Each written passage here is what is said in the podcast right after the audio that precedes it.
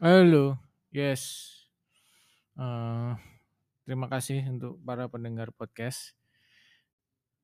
Tentunya eh, saya melakukan ini karena saya senang. Saya tidak uh, tertarik untuk mengakomodir kritik dan masukan yang saya kira tidak tidak masuk. Jadi kalau ngasih masukan ya harus masuk.